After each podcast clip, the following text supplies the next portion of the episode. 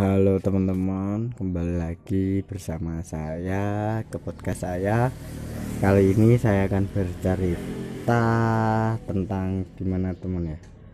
Ya pengalaman saya ikut berorganisasi teman-teman. Dulu mulai berorganisasi itu SD teman-teman.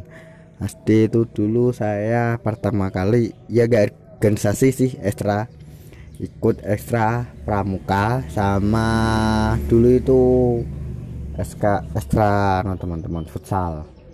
Terus setelah SD itu saya di MTS MTS saya itu di MTS Anu Demak belakang Citagung Demak. Itu dulu saya di situ ya sama sih ikut ekstra belum organisasi.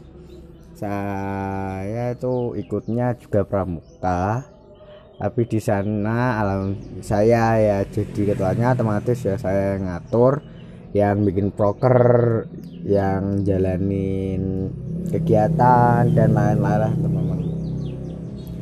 Langsung ke SMA itu saya man. Lanjut di man baru di situ saya mulai mencoba ikut organisasi osis teman-teman. Ternyata itu ekstra sama organisasi itu beda teman-teman kalau organisasi itu penanggung jawab kalau ekstra itu penanggung jawabnya organisasi. Jadinya itu organisasi harus ya memantau ekstra-ekstra yang ada di sekolah tersebut teman-teman.